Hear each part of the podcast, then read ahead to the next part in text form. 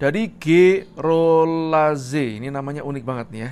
Kalau misalnya dapat lokasi tempat yang strategis, banyak orang lewat di pinggir jalan dan bebas biaya, tapi ada premannya.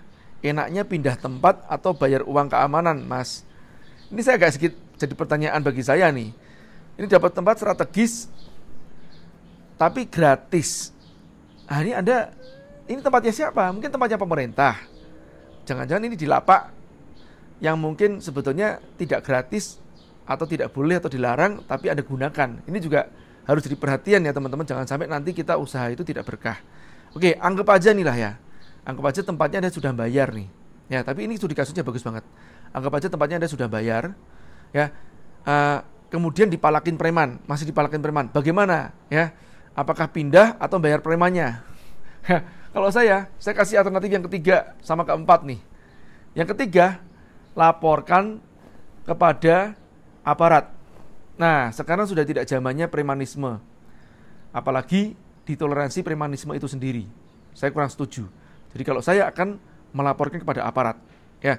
Jadi daripada saya ngasih duit uh, yang sesuatu yang sifatnya ini tentu aja tidak halal ya Uh, artinya kan kita ini kan dipalakin, itu kan itu harusnya kan hak kita diambil oleh mereka dan mereka mendapatkan duit yang tidak halal juga. Jadi lebih baik yuk kita laporkan, kita berantas premanisme. Itu yang pertama. Yang kedua, ada tips nih yang kayak sedikit lucu nih ya.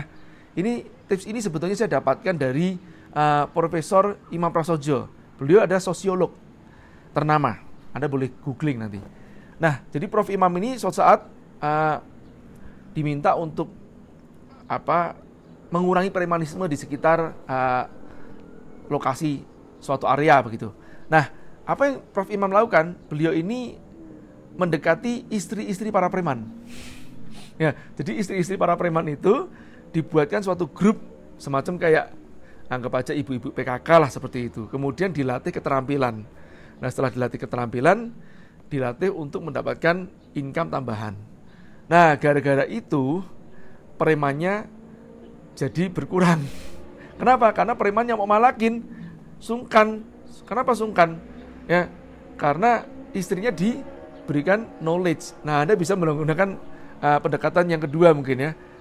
Uh, istri dari preman-preman tersebut ya, mungkin Anda bisa memiliki uh, semacam kayak uh, kegiatan sosial yang menghidupkan atau memberikan pembekalan kepada uh, istri dari para preman-preman tersebut ya. Atau mungkin mempekerjakan istri dari preman tersebut ya.